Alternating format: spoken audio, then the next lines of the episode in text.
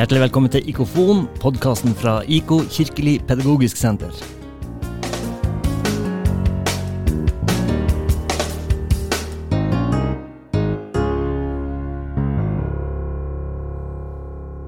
Her er jeg, Asbjørn Håkonseth, og jeg har med meg Annbjørg Daland. Hei, hei. Og vi har med oss ei helt fersk bok Ja. med forfatteren sjøl i studio. Hjertelig velkommen, Steffen Siris. Tusen takk. I dag skal vi snakke om frivillighet. Har du vært eh, frivillig, Asbjørn? Ja, jeg er frivillig. Jeg er frivillig i menigheter og i foreldrearbeid og i forskjellige steder. Og ja. Ja, og da skal vi se altså litt nærmere på et eh, forskningsprosjekt om sånne som deg. og se om det finnes et eh, mønster, og kanskje noe vi kan lære av det. Eh, fordi du, Steffen Siris, du har sett på eh, frivillighet og frivillighetskultur i Den norske kirke. Eh, dette ser vi i den nye boken En god frivillighetskultur. Hva handler den om? Mm. Ja, nei, Da kan jeg jo først si at uh, jeg deler jo samme bakgrunn som dere. også har vært frivillig uh, på ulike vis gjennom uh, størsteparten av mitt liv. Og så har jeg også hatt uh, vil si, gleden av å forske på dette, særlig de siste årene. da. Så denne nye boka den presenterer rett og slett et forskningsprosjekt vi har drevet. Vi har studert eh, totalt 14 menigheter. Og det er et dypdykk. Vi finner ut av hva folk i menigheten, dvs. Si frivillige sjøl, ansatte menighetsråd, tenker om frivillighet, hvordan de forstår det, og hva som faktisk skjer der. Hvordan er praksis. Og dette prosjektet har du gjort som professor i ø, organisasjon og ledelse og i diakoni, og du er, har et ganske stort ø, fagfelt. Ja, eh, vi har alle våre interesser, og så har jeg vært så heldig at jeg har fått lov til å dyrke de. Eh, og så pleier jeg også å si at jeg er også en kirkens mann, altså jobber i kirka. Eh, så det som er mitt ønske her, det er jo rett og slett å bidra til mer sånn helhetlig forståelse da, av hva betyr det at vi, vi har frivillighet i Den norske kirke, et gammelt fenomen som blir stadig mer og mer aktuelt. Eh, du, har, eh, du har snakket med er det tolv ulike menigheter, eh, og eh, snakket med ansatte og frivillige og menighetsråd. Kan du trekke fram noen eh, mønster i det du har sett på? Mm. En sånn uh, viktig fellesnevner det er jo at uh, folk snakker veldig varmt om frivillighet. De sier det er veldig viktig, alfa og omega, så det har da en egenverdi. Den kan man begrunne på ulike måter, også teologisk, så den hører veldig sånn hjemme i kirka. Det er del av kirkens DNA. Og Den andre sida av saken er jo også at den har en mer sånn praktisk nytteverdi. Man eh, er rett og slett avhengig av frivillig for å gjennomføre aktiviteter og gi det tilbudet man har i et type sånn livsløpsperspektiv til befolkninga i Sognet. Og det er jo et imponerende intervjuarbeid du har gjort. Var det ja, menigheter med Hvor mange intervjuer hadde du til sammen? Da har vi gått opp på 30-tallet med ca. 100 intervjupersoner. og Dette var da også kombinert med noe observasjon. Vi er inne og så, besøkte ulike aktiviteter da, for ulike aldersgrupper. Og så har vi gjort et eh, ja, søk da på nettsidene og ulike dokumenter da i menighetene. Så det er ganske godt dokumentert. Så nå har vi altså, jeg vil si, ganske mye mer solid kunnskap enn det vi hadde for to år siden. Det var jo altså Med et så stort materiale så må det jo være en, et stort mangfold å spore også, og ikke bare mønster, som du spurte etter, Annbjørg. Mm. Det er det. Så um, dette utvalget av menigheter ble gjort i samråd med bispedømmekontorene og Kirkerådet, da, som var oppdragsgiver. Og så har vi prøvd å få ganske grei bredde, da, både liksom i menighetsstørrelse, med tanke på antall ansatte, antall frivillige, og dette med by-land, altså demografi.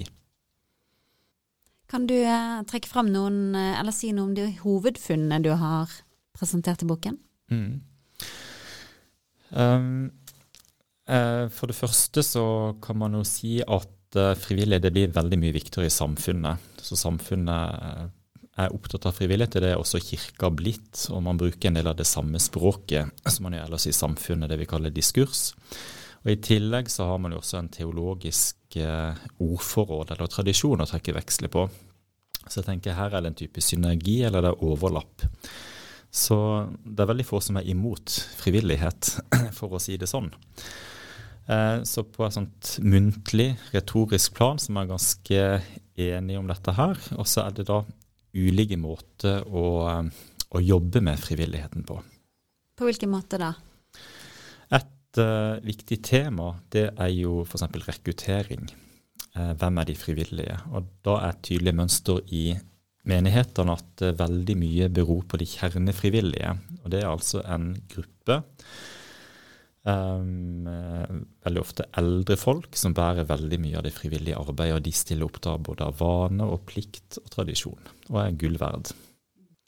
Ja, og det er jo kanskje en gull verd, sier du, eh, gruppe. Ehm, men eh, fra min side, eller det jeg tenker på, er litt den der eh, hvordan, hvordan kan den gruppen øke? Hvordan får vi flere inn i den? Mm.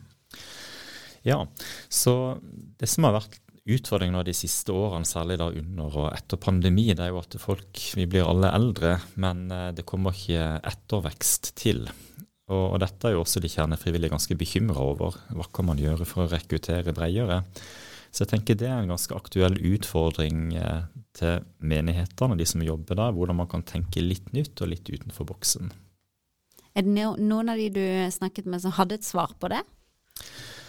Ja, det var flere da som pekte på at uh, man må prøve å få en litt sånn større uh, representasjon av de som bor i sognet. og Da er det nærliggende å gå til bestemte grupper. Det kan f.eks. være foreldrefrivillige, altså de som har barn i aktivitet eller konfirmantforeldre.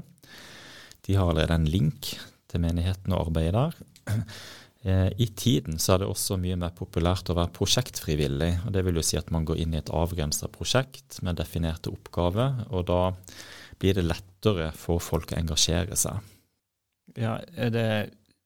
Uh hva tenker disse menighetene om om å integrere prosjektfrivillighet og foreldrefrivillighet i større grad om i, i sin frivilligledelse, da? I sin måte å legge til rette for frivillighet? Det er litt uh, sånn ond sirkel, for man skjønner at uh, man må ta noen nye grep. Men i dagens byrde og hete så er det alltid lettest å spørre de man kjenner fra før. Og det betyr at de som allerede har mange oppgaver, de får flere forespørsler og får dermed mer å gjøre. Så det med rekruttering og rett og slett eh, våge ta sjansen på å utfordre nye mennesker, det tror jeg blir ganske viktig. Var det dette du kalte Matteus-effekten? Ja, den Matteus-effekten det skrives det da fra noe Jesus sier, eller sånn som det er gjengitt i Matteus kapittel 25, at de som har mye, skal få mye, og de som har lite, de skal bli fratatt det de har. Så det høres jo dramatisk ut. Men det handler jo litt om at eh, lokalsamfunnene er ganske forskjellige. Eh, og i store menigheter så vil det være enklere å trekke til seg enda flere, så det er en type sånn magneteffekt. Og det slår jo da uheldig ut på mindre steder hvor det er få, eh, vanskelig å få i gang aktiviteter, vanskelig å rekruttere, og da sliter man liksom enda mer. Mm. Og så må man jo også tenke på hvordan man kan rekruttere mangfoldet. At uh, hvis man har en kjerne av kjernefrivillige, så, så vil de kanskje rekruttere de som er lik seg sjøl. Og da sitter man der med en gjeng pensjonister som spør de andre pensjonistene i samme pensjonistmiljø. Uh, mens uh, hvis man klarer å legge til rette for mer foreldrefrivillighet og mer prosjektfrivillighet, så vil det kanskje være mulig å, å utvide ja, det mangfoldet man har av, mm. av frivillige. Ja. ja, jeg tenker det er et uh, veldig godt poeng. Så tendensen overalt i samfunnet er jo at like rekrutterer like, at man forholder seg i veldig høy grad til samme aldersgruppe som seg sjøl, eller får ikke samme livssituasjon. Så for kirkas del så betyr det at en del går under radaren rett og slett og blir ikke spurt. Så det er også en diakonal utfordring da å um, invitere bredere. Og jeg tenker de gode nyhetene er at det er overveiende sjanse for å få positivt svar viser landsomfattende undersøkelser. 55% av de spurte, de sier faktisk ja. Mm. Så vi må tørre å spørre? Må tørre å spørre. Det um, Jeg får veldig lyst til å spørre om noen konkrete verktøy som eh, de som jobber med barn og unge i menighetene, kan benytte seg av. Vi må tørre å spørre, høres ut som nummer én. Det er det, ja. Ja. Eh, Steffen, kan du legge til noen? Eller kan, kan vi liksom summere dette opp i noen verktøy? Ja, jeg tror det er viktig at eh, ansatte eh, driver en type talentspeiding. Så frivillighet er ikke gratis arbeidskraft, men det handler om engasjement og det handler om tilknytning til kirke og menighet. Og jeg tenker også å vokse i, ja, vokse i troen, da. Eh, Premisset er jo at det er, det er, noe bra å få kontakt med kirka da, og komme innenfor kirkedørene eller inn i menigheten. da. Så Man må tørre å spørre. og så tenker jeg også Det er viktig at de frivillige de er ambassadører og de bidrar da til å gi et uh, godt omdømme og få sine nettverk inn i menigheten. da. Så alt skal ikke stå og falle på, på de ansatte, men jeg tenker at de er jo en type nøkkelposisjon. Ja, og, og, og de ansatte de driver en form for frivillig ledelse. Mm. Og hva legger du i begrepet frivillig ledelse? Der eh, tenker jeg egentlig ganske bredt, og jeg vil si at eh, det handler egentlig om all kontakt eller eh, eh man har med de frivillige, og det kan skje på ulike måter. Og, Um, veldig mange jobber jo gjennom relasjonene, og det er jo helt grunnleggende at man blir litt kjent. Uh, finner ut av hva frivillige kan tenke seg å gjøre, kanskje om de vil skifte oppgave. Uh, og sørge for at det er en type oppfølging og kontakt i forløpet. Så dette kan man da organisere på ganske forskjellige måter. da. Men uh, det er ganske viktig for meg å poengtere at det er en prosess, at man må liksom ha et våkent øye da, på de frivillige, hvilke behov de har. og til en viss grad også skreddersy og ta utgangspunkt i frivilliges motivasjon. Og så har du også, når du har sett på disse måtene for ansatte i menigheten å organisere frivillighet på, da er det noen forskjeller. og eh, Er det noen utfordringer noen, noen, Er det litt for lett å tenke litt sånn sektorbasert eller, eller eh, silotenkning om, om forskjellige frivilligområder i menigheten? Ja, det er jo mange måter å gjøre det på. Jeg tenker at En utfordring det kan være at uh, sektorisering, hvor f.eks. hver ansatt har ansvar for sine uh, frivillige på det virksomhetsområdet, det kan føre til at helheten glipper litt, eller at uh, ansvaret blir litt pulverisert. Jeg tenker Det er ganske viktig at ansatte følger opp på sine områder, men man kan også så å si delegere mer ansvar til de frivillige sjøl, f.eks. type gruppeledere, eller at de har da type, frivillige sjøl et type overordna ansvar for en aktivitet. Eh, noen steder så har man jo frivillig koordinator eller til og med lønna frivillighetsleder. Så det er ikke noe fasitsvar på dette, men jeg tror at lokalt så må man ta den samtalen og finne litt ut av hva er hensiktsmessig for den og den aktiviteten hos oss. Hvordan gjør vi det her? At man kan liksom løfte det litt fram, sånn at ansvarsfordelinga blir tydeligere. Og det er jo eh, både privilegiet til forskeren og utfordringa med forskninga at det er ikke noen eh, fasitsvar på hva vi skal gjøre. Eh, men eh, du har jo likevel brukt den anledninga til å komme med gode gode utfordringer til, til menighet, eh, både ansatte og, og menighetsrådet også, for så vidt, som skal ha en, en plan for hvordan de bruker frivillighet. Og, og, eh, de ansatte i de tjenesteordningene der det er nevnt at eh, arbeid med frivillige er en del av, en del av oppgavene. Eh, og så er det jo det er skrevet som en forskningsbok, men du har jo fått gode attester på at eh, den er skrevet godt tilgjengelig også for, for ikke-akademikere. Eh, hva vil du si er den viktigste kunnskapen som ansatte i menighetene vil få ut av å lese boka di?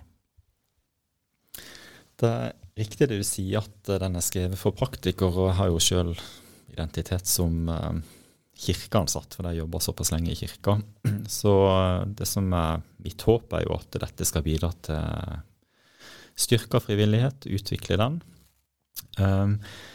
Det jeg håper, det er jo at når leseren snur sidene her orienterer seg litt. De vil rett og slett få en del ideer. De vil tenke at ok, det, dette var en lur måte å gjøre det på, her er noe å lære. For det, jeg løfter jo da fram gode eksempler fra, fra menigheter der ute. Og så er det sikkert noen som vil tenke sånn vil jeg ikke gjøre det, og det er jo helt uh, legitimt. Uh, så det er egentlig jeg sier egentlig en type verktøykasse da, med ganske mange eksempler. og um, både frivillige og ansatte og menighetsrådsmedlemmer de kommer jo ganske rikt til orde her. da, og Man får innblikk i deres resonnementer. Ja, Er det eh, mange som kan kjenne seg igjen i det, de, det du skriver om? Ja, det tror jeg definitivt. Um, det er ganske mye vekt her på å um, få innblikk i ulike praksiser da, og, og resonnementer. Så er det jo ganske bredt sammensatt uh, datamateriale.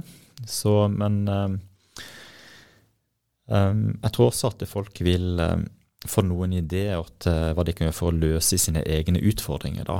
At de kanskje må ta en runde og løfte fram temaet. Jeg kan også si at dette bokprosjektet, eller forskningsprosjektet, det førte også med seg et ressursmateriell som finnes da tilgjengelig på kirka sine nettsider, som heter da 'Hvordan utvikle frivillighet i kirka'. Så bra. Ja, for det eh, du, eh, Nå har du fått en god oversikt over hvordan ståa er nå. Eh, har du noen positive framtidsutsikter, eller for uh, frivilligheten i Den norske kirke? Ja, altså det som er kirkas store styrke, det, det, er jo at den er landsdekkende og demokratisk. Den er overalt. ikke sant? Vi har lokale i enhver bygd, så å si, og det, det, er ansatte der. Så det er virkelig et momentum nå hvor eh, altså frivillighet blir løftet fram på samfunnsnivå til å gjøre kirka relevant og invitere til, til, fellesskap. Og det tror jeg det er veldig behov for i vår tid, både med polarisering og utenforskap. Jeg har dette med psykisk helse, bl.a.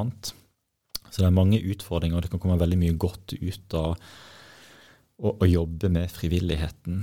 Jeg tror at det har liksom faktisk uante positive ringvirkninger. Jeg tror det kan være siste ord i denne podkasten. Det, eh, det, tar vi med oss videre. Tusen takk, eh, Steffen Sirus, for at du vil komme og være gjest i podkasten vår. Takk til deg, Asbjørn. Og takk til deg, Annbjørg. Vi høres.